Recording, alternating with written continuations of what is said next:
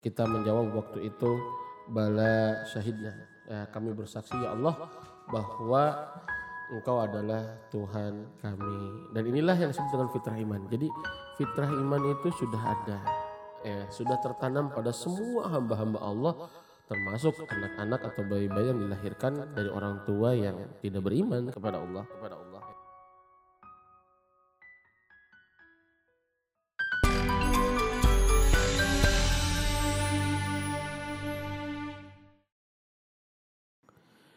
Bismillahirrahmanirrahim. Assalamualaikum warahmatullahi wabarakatuh.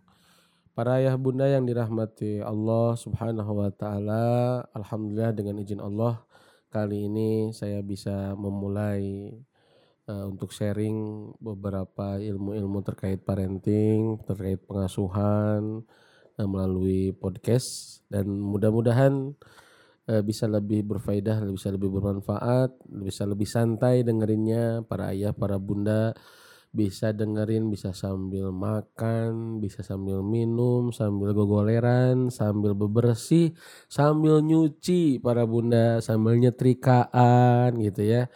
Atau sambil aktivitas-aktivitas bermanfaat yang lainnya tanpa harus melihat videonya yang mungkin bisa menghabiskan waktu dan tentu menghabiskan kuota. Baik kali ini mudah-mudahan podcast ini menukarkan jadi wasilah dakwah buat kita bisa sharing berbagi untuk selalu belajar menjadi orang tua yang hebat. Siapa orang tua hebat? Orang tua yang menjadi jalan kebaikan untuk anak-anaknya. Orang tua yang hebat adalah bukan orang tua yang uh, serba bisa. Wah, bukan orang tua yang kemudian gelarnya begitu panjang begitu ya? Atau misalkan strata sosialnya yang tinggi atau uh, apa namanya tingkat pendidikannya yang tinggi? Enggak ya. Orang tua hebat adalah orang tua yang memberikan pola asuh terbaik yang dikehendaki Allah tentunya dan pastinya adalah bermanfaat untuk anak-anaknya sehingga anak-anaknya ya bisa menjalankan peran hidupnya ya sebagaimana yang telah Allah tugaskan yaitu sebagai khalifah fil ar. Baik di kesempatan perdana ini ya para ayah bunda yang dirahmati oleh Allah kita akan coba ya membahas tentang tema yang sebenarnya ini sih sudah jadi materi yang beberapa saya sampaikan di beberapa tempat di kafe di lembaga pendidikan ya di kajian-kajian umum ya di masjid tentunya atau di beberapa majelis taklim ya di halakoh-halakoh ya, bersama para bunda begitu ya bersama para ayah ya. Materi ini adalah tentang merawat fitrah iman anak kita. Nah eh kita mulai dari mana ya? Kita akan mulai dari hmm, menanamkan iman untuk anak ya. Menanamkan iman untuk anak. Eh, bahwa sebetulnya setiap kita manusia tak terkecuali anak-anak kita itu sudah dilahirkan oleh Allah memiliki iman. Ya, bahwa Allah Subhanahu wa taala berfirman dan sung, dan ingatlah ketika Tuhanmu sudah mengambil persaksian ya dari sulbi anak-anak Adam ya, ke, ke, ke, kepada keturunan mereka juga Allah berfirman, "Alastu birabbikum bukankah aku ini Tuhanmu?" Qalu ya. Kemudian uh, Allah menjawab, mohon maaf, kita menjawab waktu itu bala syahidna. Ya, kami bersaksi ya Allah bahwa Engkau adalah Tuhan kami. Dan inilah yang disebut dengan fitrah iman. Jadi fitrah iman itu sudah ada. Ya, sudah tertanam pada semua hamba-hamba Allah termasuk anak-anak atau bayi-bayi yang dilahirkan dari orang tua yang tidak beriman kepada Allah. Ya.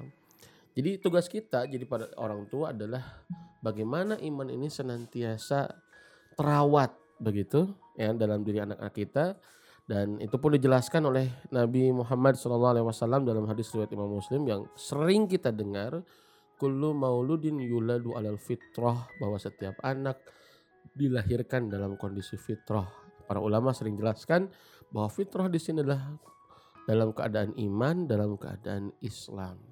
Nah, tugas utama kita adalah bagaimana fitrah iman yang sudah Allah berikan kepada anak-anak kita itu senantiasa bisa terawat, tumbuh, kemudian juga mekar dan berbuah. Tentu buahnya adalah buah amal-amal kebaikan atau amal-amal soleh ya. Bagaimana itu kan? Baik, insya Allah akan kita bahas. Para ayah bunda yang dirahmati oleh Allah ya akan kita bahas bagaimananya. Tetapi sebelum itu kita harus tahu dulu emang kenapa sih?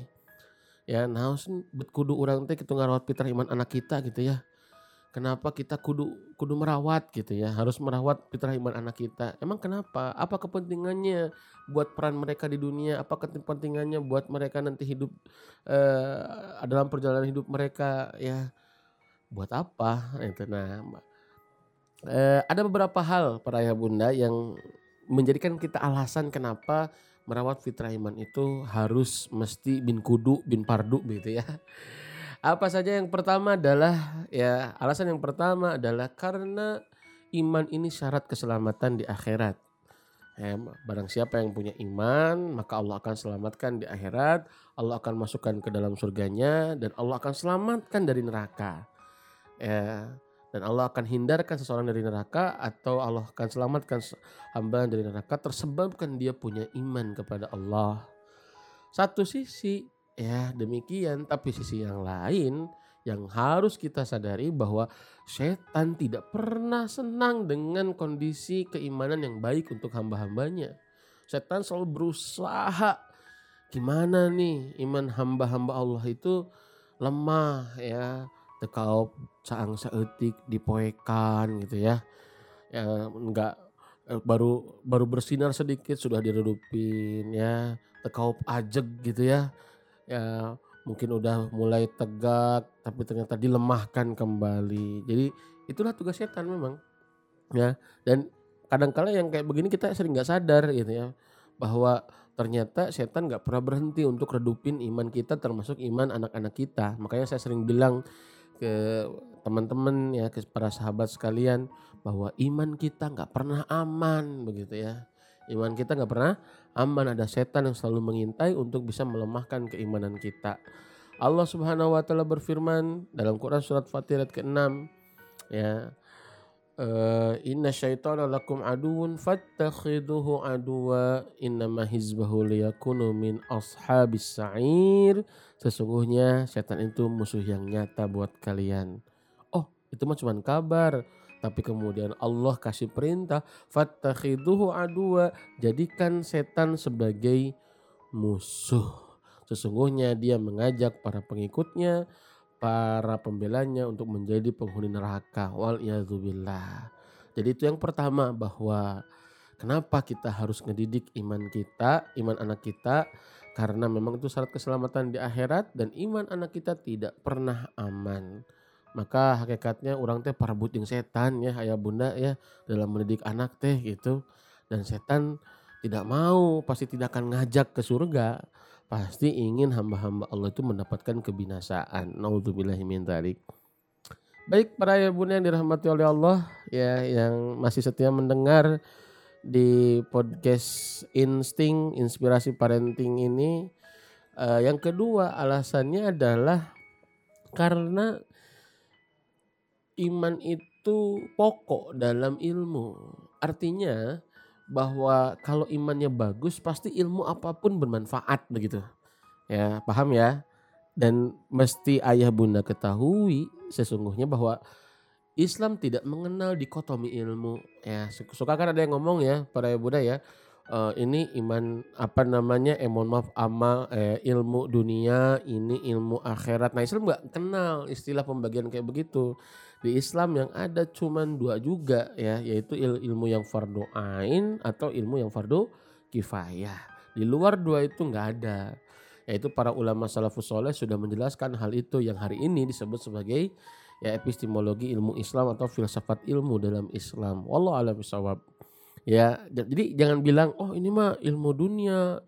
Uh, ilmu ilmu akhirat. Kalau ilmu akhirat berarti nambah iman. Kalau ilmu dunia enggak. Nah seolah kayak begitu. Ini sekuler juga ya Makanya kita harus paham semua ilmu dalam Islam itu apa namanya ada yang fardu ain, ada yang fardu kifayah begitu ya.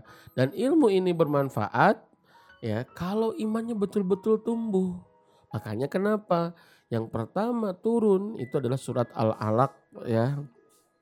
Ya kepada Nabi Muhammad wasallam itu adalah surat Al-Alaq ya.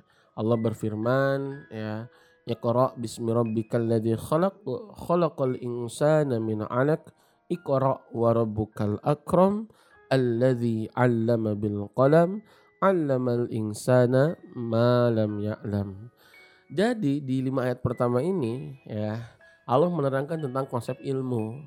Walaupun secara keseluruhan ya Al-Alaq itu atau surat Al-Alaq itu adalah surat tentang konsep ilmu dalam Islam.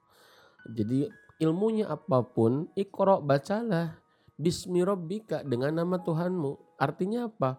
Cara pandang kita, world view kita, ya cara memandang ilmu itu tidak kosong nilai. Semua harus dilandasi dengan keimanan tentang geografi, ke, tentang matematika, tentang keuangan, apalagi tentang ilmu-ilmu studi agama, begitu ya. Itu harus dilandasi oleh keimanan. Kalau ilmu sebatas ilmu dengan menafikan iman, jangan heran kalau di kita nambah ilmunya atau tingkatan ilmunya makin tinggi, malah makin jauh dengan Allah. Kenapa? Karena jauh dari keimanan atau imannya tidak tumbuh. Iman ilmu bertambah, iman tidak tumbuh. Akhirnya apa? Akhirnya makin jauh dari Allah. Oleh karena itu nggak heran kalau di ujung surat Al-Alaq Allah Subhanahu wa taala firmankan wasjud waqtarib ya bersujudlah dan mendekatlah. Karena orang yang nambah ilmu pasti itu makin nambah sujud ke Allah. Tak terkecuali ilmu-ilmu yang mungkin dalam bahasa eh, keumuman disebutnya adalah ilmu dunia begitulah ya. Wallahu alam bisawab baik sahabat-sahabat sekalian yang dirahmati oleh Allah ya para ayah bunda ya yang masih setia mendengar di podcast insting ini inspirasi parenting kita lanjutin nih materinya Alasan yang ketiga apa? Alasan yang ketiga adalah supaya dapat uh, mendapatkan akhlak yang baik. Karena ilman ini adalah rahim dari akhlak yang baik. Allah Subhanahu wa taala firmankan dalam Quran surat Ibrahim ayat ke-24 bahwa iman itu seperti pohon yang baik Ya kalimat yang baik itu seperti pohon yang baik, kalimat yang baik para ulama bilang inilah ketauhidan, inilah keimanan. Maka kalau berbicara akhlak yang baik, karakter yang baik, attitude yang baik, sikap yang baik itu tidak berdiri sendiri para ayah bunda. Tapi semua terkait dengan keimanan. Kalau kita hanya menuntut anak akhlak yang baik, kemudian tidak bertumbuhkan iman, maka sebetulnya kita keliru, kita salah. Ya, Kenapa? Karena iman ini adalah rahimnya. Wallah alam bisawab. Yang keempat, para ayah bunda yang dirahmati oleh Allah, sahabat insting sekalian, ya alasan yang keempat kenapa kita harus melakukan pendidikan iman itu adalah karena ya sebentar, yang keempat saya lupa lagi nih. yang ketiga, eh, yang pertama adalah selamat di akhirat, yang kedua supaya dapat akhlak yang baik, yang ketiga adalah uh, tadi mohon maaf yang kedua adalah ilmunya supaya bermanfaat karena landasan ilmu adalah iman, yang ketiga supaya dapat karakter akhlak yang baik, yang keempat adalah nah saya baru ingat ya. Ini soalnya saya nggak pakai teks atau nggak pakai apa pun nih ini murni saya ngendelin hafalan saya nih.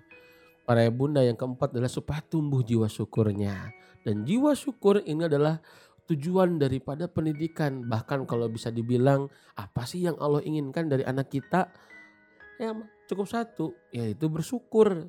Lihat ayatnya surat 16 ayat ke-78 atau surat An-Nahl ayat ke-78 di mana Allah berfirman Wallahu akhrajakum min butuni ummahatikum la ta'lamuna syai'a wa ja'ala lakumus sam'a wal absara wal af'idah la'allakum tashkurun. Artinya kurang lebih dan Allah mengeluarkan kalian dari perut ibu kalian dalam kondisi tidak mengetahui apa pun. Dan Allah menjadikan untuk kalian pendengaran, penglihatan dan hati supaya tahu bukan supaya bersyukur. Yang asalnya la namun jadi la alakum taskurun bukan la alakum ta'lamun dari asalnya tidak tahu menjadi bersyukur bukan dari tidak tahu menjadi tahu kalau tujuan pengasuhan pendidikan ya proses pendidikan kepada anak-anak kita dari tidak tahu menjadi tahu, dari tidak mahir menjadi mahir, dari tidak bisa menjadi bisa. Ya, cukup itu saja, maka tidak butuh keimanan. Tetapi yang Allah harapkan la'allakum tashkurun supaya kalian itu bersyukur. Inilah ya output atau hasil daripada pendidikan. Materinya apa pun ilmunya apa pun bahkan sekolahnya di mana pun hakikatnya adalah bagaimana menumbuhkan rasa syukur. Kalau sudah punya rasa syukur ya insya Allah dia lebih ringan beribadah kepada Allah lebih ringan untuk melakukan kebaikan lebih istiqomah lagi lebih mampu mendekatkan diri kepada Allah. Tetapi syukur yang kayak begini tidak akan lahir kecuali dari tumbuhnya keimanan ayah bunda yang dirahmati oleh Allah empat hal ini cukup ya untuk menjadikan kita alasan harus melakukan pendidikan iman. Lalu apa sih yang dimaksud pendidikan iman? Terus kumaha atuh? Bagaimana yang harus dilakukan? Baik, saksikan di podcast-podcast berikutnya dan doakan supaya kami istiqomah. Ya bisa sharing di podcast ini mudah-mudahan bermanfaat. Kayaknya mungkin di podcast rekaman perdana ini banyak sih banyak kekurangan, tapi nggak apa-apa. Yang penting kita mau memulai ya ditunggu masukannya ya mudah-mudahan saya bersama rekan-rekan tim Insting Inspirasi Parenting tetap bisa memberikan manfaat atau menginspirasi para ayah bunda untuk senantiasa memberikan pengasuhan yang terbaik untuk anak-anaknya dan tentu untuk menjalankan kewajibannya yang ini menjadi amanah dari Allah Subhanahu wa taala. Barakallahu fikum. Mohon maaf atas segala kekurangan. Ya, saksikan atau dengarkan di podcast-podcast berikutnya. Assalamualaikum warahmatullahi wabarakatuh.